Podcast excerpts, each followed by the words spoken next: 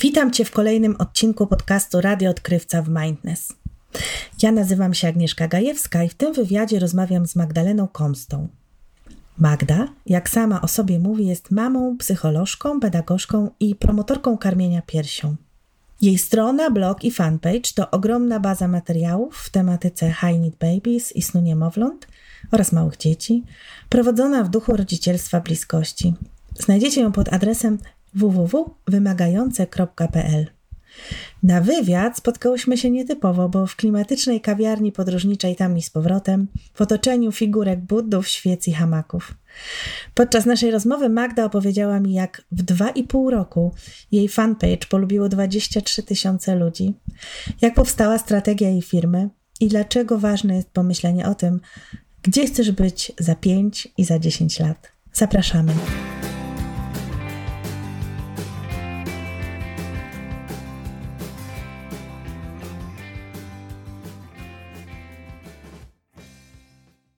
Jest Radio Odkrywca w Mindness. W radiu tym publikujemy wywiady z profesjonalistami. Rozmawiamy na tematy związane z rozkręcaniem gabinetów psychoterapeutycznych i coachingowych. Oddzielenia się doświadczeniem z rozwoju gabinetów poprzez księgowość, przedsiębiorczość, zarządzanie ludźmi aż po prawo. Jeśli planujesz lub rozkręcasz gabinet, to ten podcast jest dla Ciebie. Zapraszamy. Cześć Magda. Cześć Agnieszka. Cieszę się, że zgodziłaś się na wywiad. Wiesz co, bardzo Ci dziękuję za zaproszenie, bo to jest e, dla mnie jakiś powód e, do, do, do zadowolenia. Jest pewnie wdzięczność za to, że, że masz ochotę ze mną porozmawiać, żebym przedstawiła trochę to, co robię i, i jak mi to idzie. My poznałyśmy się już trochę wcześniej i miałyśmy przyjemność rozmawiać e, przez telefon na temat e, tak naprawdę Twojego gabinetu, Twojego biznesu, że tak powiem. E, jesteś właścicielką e, domeny wymagające.pl i wszystkiego, co za tym stoi. I może tak w liczbach na początek, tak? Twój blog miał we wrześniu 61 tysięcy unikalnych użytkowników. Facebook ponad 21 tysięcy fanów, autorska grupa na Facebooku ponad 8,5 tysiąca uczestników, a lista mailingowa ponad 10 tysięcy subskrybentów. To są super imponujące wyniki i tak naprawdę myślę, że to fantastyczne. Trochę mi opowiadałaś kiedyś o początkach swojej drogi. Też widzę, że rozwijasz grupę dla specjalistów, tak? Tutaj nie mamy danych, ale to też jest bardzo ciekawe, myślę, dla specjalistów pracujących z małymi dziećmi. Bo to jest twoja specjalizacja. Zajmujesz się małymi dziećmi, rodzicami małych dzieci i głównie ich spaniem, tak? E, tak zwanymi high I ja też e, gdzieś jestem na tych twoich grupach i śledzę to, ponieważ no mam już trzy latka, ale on też e, załapał się jak najbardziej o tą problematykę, więc tym bardziej jest mi to bliskie na osobistym poziomie, co ty robisz. Jestem ci za to bardzo wdzięczna. No więc na początek po prostu opowiedz nam o drodze do swojego gabinetu.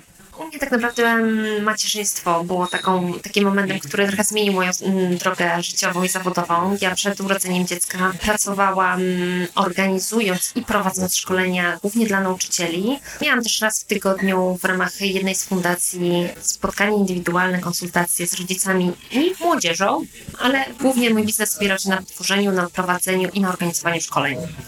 E, I tak naprawdę dopiero macierzyństwo i właśnie pojawienie się mojej córki sprawiło, że mm, zauważyłam, jak bardzo dużo obszarów jest nadal niezagospodarowanych, jak mało jest specjalistów pracujących z rodzicami malutkich dzieci, jak mało jest psychologów, którzy potrafią łączyć wiedzę na temat emocji, zdrowia, snu, karmienia i tego wszystkiego, co z tym związane. Jak duża jest potrzeba rodziców, żeby o opiece nad małymi dziećmi dowiadywać się więcej na bazie mm, źródeł naukowych, a jak mało osób faktycznie w Polsce to robi.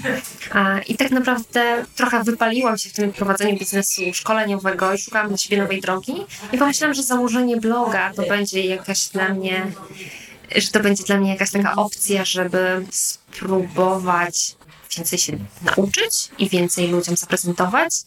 I tak naprawdę okazało się, że jest bardzo dużo osób zainteresowanych tym tematem. Dużo osób chce czytać o wymagających dzieciach, o tym, jak się nimi opiekować, jak im pomagać, jak je wspierać w rozwoju. Tak naprawdę od bloga wszystko się zaczęło. E, zaczęły się pojawiać pierwsze pytania o indywidualne konsultacje, pierwsze pytania o warsztaty, o spotkania i tak naprawdę na bazie bloga po niecałym roku prowadzenia faktycznie weszłam już w taką pracę zawodową konkretnie w tym temacie. Jak to było z tym blogiem? Skąd ten pomysł i w ogóle skąd wiedziałaś, że to trzeba zacząć od bloga?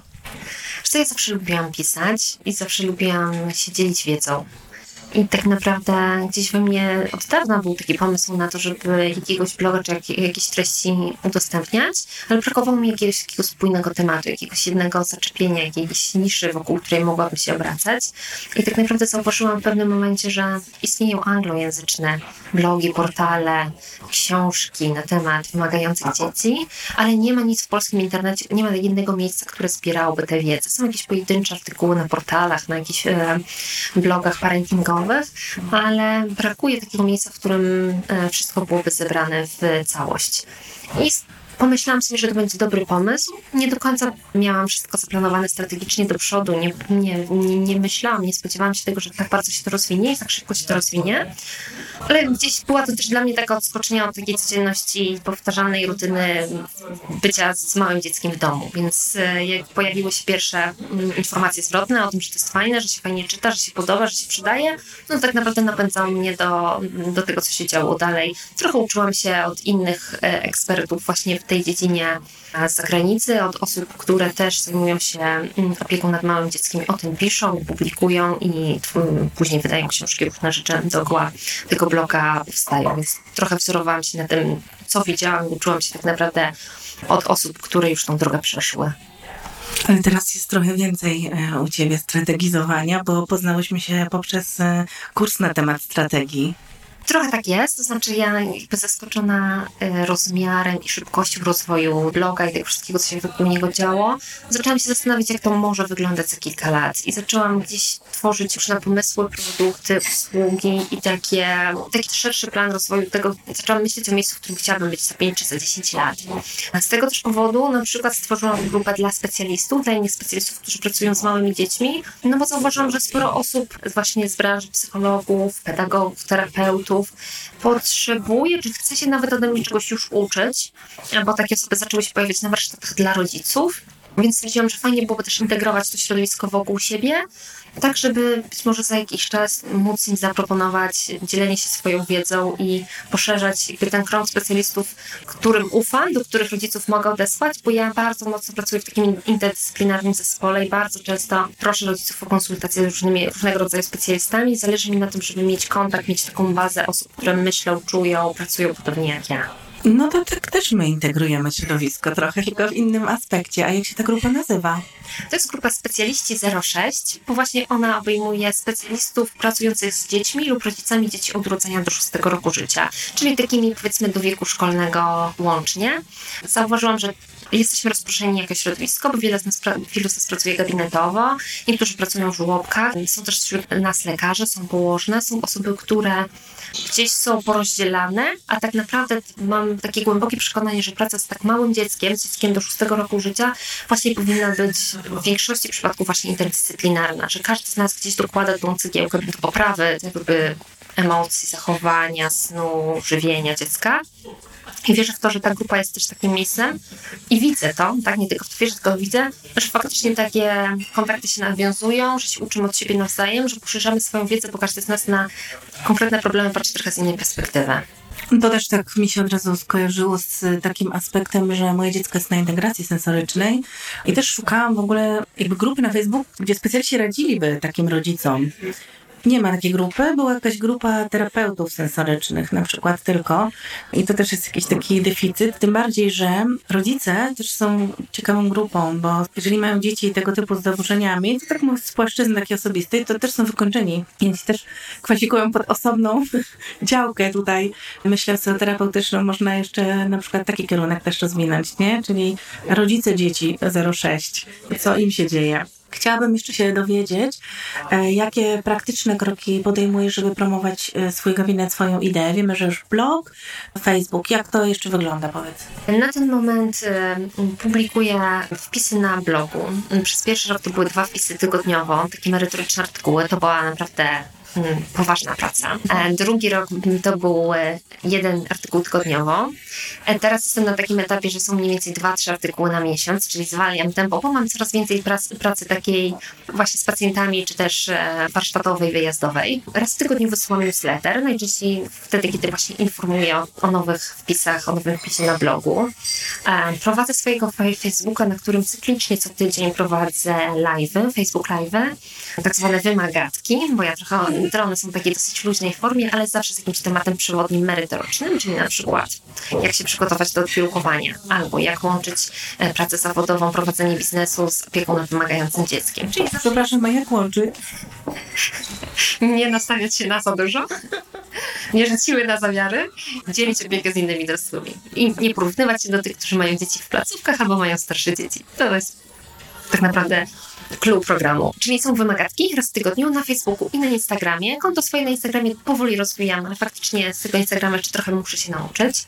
Wszystkie e, rzeczy, wideo, które się u mnie publikują na Facebooku, przerzucone są też na YouTube'a. Wiem, że sporo osób jednak nadal nie ma Facebooka, a z YouTube'a korzystają. Organizuję raz w miesiącu webinary. To są albo płatne webinary, albo webinary bezpłatne, ale na które trzeba się zapisać. Dzięki temu też powiększa mi się lista mailingowa. Nagrywam raz w miesiącu podcast.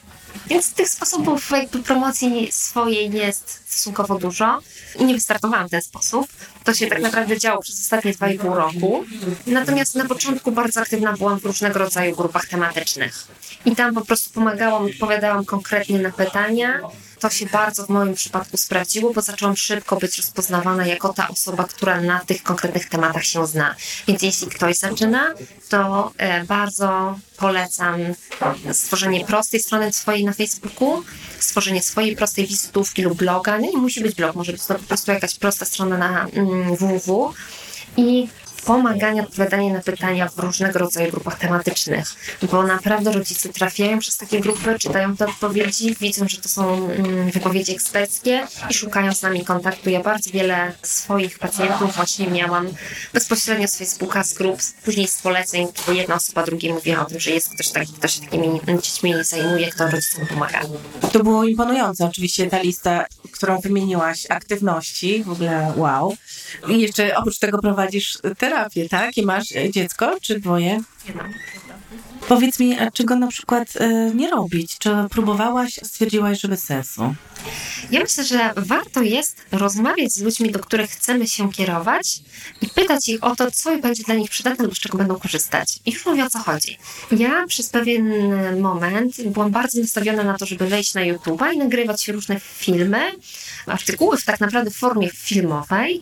Byłam prawie na etapie kompletowania sprzętu, po czym zapytałam swoją społeczność, swoją grupę, czy wolicie, żebym zaczęła od filmów, czy powinnam zacząć od nagrywania podcastów. No i nagle się okazało, że jednak rodzice małych dzieci nie bardzo mają możliwość słuchania, oglądania filmów, że oni wolą czytać, bo jest łatwiej im czytać, na przykład wtedy, kiedy usypiają czy karmią dziecko. Albo wolą słuchać niż oglądać, że mało mają takiego czasu, że mogą spokojnie usiąść, oglądać, słuchać i skupić się tylko i wyłącznie na tym. Więc jakby miała powiedzieć, czego nie robić, to nie robić tego, co Twojej grupie nie będzie potrzebne albo z czego nie będą korzystać. Bo takie na przykład nagrywanie filmu na YouTube jest naprawdę czasochłonne, a biorąc pod uwagę potrzeby mojej grupy, to prawdopodobnie nie jest rzecz na teraz. E, myślę, że to, czego bym nie robiła jako psycholożka i czego nie robię, i myślę, że to warto się nad tym zastanowić, to ujawnianie zbyt dużej ilości informacji prywatnych czy na temat swojej rodziny. Ja wiem, że generalnie kojarzy się blogerów i blogowanie w takich tematach rodzicielskich z dużą otwartością, z dzieleniem się informacjami o swojej rodzinie, o swoich dzieciach, pokazywaniem ich. Natomiast warto się mocno na ten temat zastanowić. Wiem, że psychoterapeuci zupełnie tego unikają, jak najmniej w ogóle osobistych informacji ujawniają. Ja myślę, że też nie ma bardzo często takiej konieczności. Warto się odwoływać do swojego doświadczenia. Ja często mówię o tym, jak było na przykład z moją córką, ale nigdy jej nie pokazywałam, nie mam też takiej potrzeby. Ludzie też tego nie, nie za specjalnie oczekują, więc myślę, że warto tutaj sobie zastanowić się, na ile w kontekście budowania swojego wizerunku eksperta, czy jest nam to potrzebne. Okej, okay, dzięki. Jeszcze mam takie pytanie, z kim współpracujesz spoza branży, czyli jakie firmy wspierają Twój biznes? I możesz też jakby poruszyć takie tematy, aplikacje, programy, no bo to też są firmy, powiedzmy, zewnętrzne, tak? Że na przykład korzystamy, właśnie nagrywając ten podcast, Voice Meter Banana. Przede wszystkim sobie nie wyobrażam życia bez kalendarza Google, ponieważ e, od czerwca tego roku współpracuję z wirtualną asystentką, to ona w dużym stopniu również trochę tym kalendarzem zarządza i trochę mi w, w tym wszystkim pomaga, więc kalendarz Google Google to jest absolutnie coś, e, bez czego sobie w tym momencie nie wyobrażam życia. Przy planowaniu webinarów, kursów online, warsztatów, jakichś większych projektów korzystamy z Asany, która jest dosyć prosta, też um, ułatwiająca na, na co dzień życie. Wszystko, co jest związane z fakturowaniem, wystawianiem automatycznych faktur księgowością internetową jest bardzo przydatne właśnie w takim biznesie, który w dużym stopniu opiera się o działalność online, a wszystko jest ze sobą podpięte, dzieje się automatycznie. Akurat korzystam z księgowości W firma. A ja zapytam, ten twój kurs, bo ty masz też kurs online, tak? Na stronie. On jest nagrany w formie filmików? Ja mam dwa kursy online. Jednego jestem autorką, drugiego jestem współautorką i oba mają formę kursów wideo. W obu jest po 13 lekcji wideo, dodatkowo PDF, checklisty, a różne materiały do pobrania i do wydrukowania. I można je słuchać, można je oglądać. Jest to taka forma screencastu, czyli takiego, takiej prezentacji z głosem. Aha, czyli to nikt ci nie nagrywał, tylko sama nagrałaś? Tak, tak, nagrywałam i sama. Nie było też takiej, przynajmniej na razie nie widziałam takiej konieczności, żeby moja twarz była jakoś specjalnie istotna w całym tym procesie tej nauki, więc jest to po prostu prezentacja z głosem, gdzie po kolei wszystkie tematy są omawiane mm, krok po kroku. Mhm. A powiedz mi, bo mnie to zawsze intryguje mocno i też jakby to jest taki kawałek, e, jeżeli chodzi o psychoterapeutów, coach trochę mniej, ta cała część związana z zarabianiem kasy, tak? Czyli pomagam, a jednocześnie zarabiam, czy pomagam i jestem tutaj ascetą i, i chcę zrobić pro bono. No chodzi mi o takie, czy uważasz, że psychoterapeuta może powiedzieć głośno, że chciałby prowadzić biznes, który daje nie tylko poczucie spełnienia, ale pieniądze w taki sposób? Wiesz co, ja mam, wydaje mi się, że już mam to w głowie poukładane ale wiem, że jest sporo osób, które właśnie na ten temat ma dużo jakichś wątpliwości i zastanawia się, w jaki sposób to układać. U mnie to działa w ten sposób, że ja bardzo dużo treści udostępniam za darmo. Cały mój blog, wszystkie artykuły na nim, tych artykułów już jest kilkaset, są dostępne cały czas i są dostępne za darmo. Podcasty, filmy, część webinarów, transmisje live, wszystko tak naprawdę jest za darmo, czyli tej wiedzy dostępnej darmowo jest naprawdę dużo. Ja też raz w miesiącu organizuję e, grupę wsparcia laktacyjnego dla mam, która również jest bezpłatna, bez zapisów, można przyjść, można ze mną rozmawiać, różne rzeczy dopytać. Więc mam takie poczucie, że jest bardzo dużo takich źródeł i bardzo dużo mojej wiedzy. Faktycznie można z niej korzystać za darmo. No to na czym zarabiasz? Zarabiam na webinarach, na kursach online, zarabiam na prowadzeniu warsztatów i zarabiam na konsultacjach indywidualnych, które są z tego wszystkiego najdroższe. Więc mam takie poczucie, że dzięki temu, że te konsultacje są płatne i nie należą być może do najtańszych, ja mam czas, żeby tworzyć treści, które są darmowe i dostępne wtedy dla wszystkich. I czuję się z tym jak najbardziej ok, bo też jeśli ktoś ma potrzebę skorzystania z darmowej, bardzo nisko płatnej pomocy psychologicznej, to ja znam takie miejsca, w których mogę taką osobę odesłać. Wspieram rodziców e, właśnie w grupie, e, wspieram rodziców tworząc różne treści dla nich. Dzięki temu też mam czas na to, żeby, mam tą możliwość, żeby zarabiać pieniądze i prowadzić po prostu biznes. Dla mnie też ważne w prowadzeniu tego biznesu jest to, że właśnie współpracując na przykład z asystentką, jestem też współodpowiedzialna za nią, więc mnie istotne jest to, żeby te pieniądze jednak muszą się zgadzać. I też zarabianie pieniędzy pozwala mi rozwijać te projekty, które są bezpłatne, docierać do coraz większej e, liczby osób. Więc dla mnie jest to kwestia takiego poukładania, co robię za darmo i jest dla wszystkich, co jest tańsze, co jest droższe, być może zwiększenie takiej oferty, różnorodności tej oferty, bo to, co zabiera więcej mojego czasu, jest oczywiście droższe niż rzeczy, które zostały raz nagrane i mogą być sprzedawane wielokrotnie. Chciałam zapytać, co byś e, powiedziała osobie, która nas słucha, która jest zupełnie na początku drogi, którą ty przeszłaś, jakaś taka myśl, e, koncepcja, doświadczenie. Trochę tam wspomniałaś wcześniej, ale chciałabym, żebyś może coś takiego powiedziała, patrząc na stronę psychoterapeuty, który tą drogę przeszedł. Wiesz ja nie jestem psychoterapeutą, jestem psycholożką, ale generalnie gdybym miała zostawić jakąś jedną myślą, osobę, która zaczyna i która chce to wszystko przejść, to powiedziałabym, żeby bardzo mocno sobie przemyślała, do kogo i dla kogo chce pracować. Bo mam poczucie, że jest nas, psychologów, psychoterapeutów, naprawdę dużo i e, to, że udało mi się dojść do tego miejsca, w którym jestem i to, to się cały czas rozwija, było dzięki temu, że ja jednak się bardzo wyspecjalizowałam, znalazłam sobie taką niszę, na której się skupiłam. Bo na przykład psychologów dziecięcych ogólnie jest bardzo wielu, ale jeśli ktoś mówi psycholog od wymagających dzieci, to bardzo często ludzie zaczynają myśleć o mnie. Więc jeśli zaczynasz, to nie próbuj się profilować na kogoś, kto się zna na wszystkim, bo nie ma nikogo, kto by się znał na wszystkim Jak do mnie przychodzą rodzice dzieci szkolnych, e, to ja ich nie przyjmuję na konsultacje, bo się na dzieciach szkolnych po prostu nie znam i wysyłam do osób, które się na tym temacie znają. Więc powiedziałabym, jeśli zaczynasz, to przemyśl sobie, w czym czujesz się najmocniej, co cię najbardziej interesuje e, i naprawdę zawęź sobie tę niszę. Na początku będzie tych klientów być może mniej, ale szybko zostaniesz uznana za eksperta w tej dziedzinie i będziesz mogła, mógł powoli sobie powiększać grono, czy powoli powiększać sobie tematy, którymi się zajmujesz. Ale w moim uczuciu jest to łatwiejsza droga niż zajmowanie się wszystkim, bo takich osób od wszystkiego jest bardzo dużo i trudno w tym tłumie gdzieś zaistnieć i się wybić. Bardzo Ci za to dziękuję, bo to też jest e, ten przekaz, który my mamy u nas na blogu i w całej naszej komunikacji. I to jest fajne usłyszeć to z ust psychologa i osoby, która jest jakby z drugiej strony. Więc e, jak najbardziej za obiema rękami. Jeszcze takie pytanie, jakie plany na przyszłość? Bardzo bym chciała w 2019 roku wydać książkę. E, już jakieś tam propozycje się pojawiły, ale myślę, że to będzie wydana, książka wydana w self-publishingu, czyli samodzielnie, bo chciałabym mieć w 100% wpływ na to, jaka to będzie książka i jaka to będzie treść. Też moi czytelnicy, czy ludzie, którzy mnie obserwują o tą książkę, już, już pytają wielokrotnie, więc myślę, że to się prędzej czy później, ale raczej w 2019 roku pojawi. Myślę o jakichś kolejnych tematach warsztatów, czy jakimś kolejnym kursie online. Myślę, że to jest dobry czas, żeby się za to wziąć. No i powoli myślę o tych szkoleniach, czy warsztatach dla specjalistów, bo widzę taką potrzebę, widzę, że ludzie chcieliby się gdzieś tam ode mnie tego uczyć, że ta nisza, którą, w której ja jestem, cały czas jest zagospodarowana i ja nie mam już terminów, a nie za bardzo mam do kogo odesłać kogoś, o kim mogłabym powiedzieć, że ufam mu i wierzę w to, że on dobrze zaopiekuje się rodziną, która się do mnie zgłasza. No więc powoli myślę o tym, żeby wśród specjalistów też gdzieś tam e, swoją wiedzę przekazywać dalej i integrować to środowisko, tak żebyśmy ze sobą mogli współpracować jeszcze bardziej, jeszcze bliżej i e, żeby te osoby, które o dzieciach myślą podobnie jak ja, nawiązywały współpracę, żebyśmy razem jeszcze tworzyli.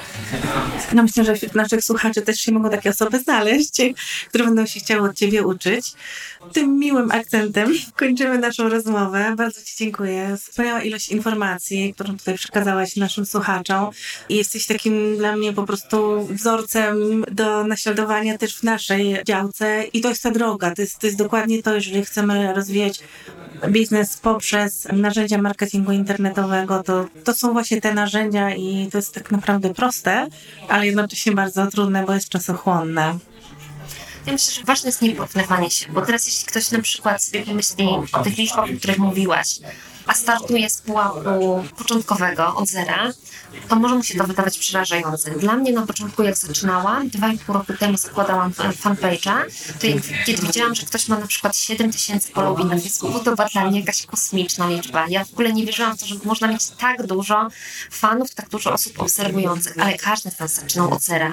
Ja bardzo polecam to, o czym kiedyś przeczytałam.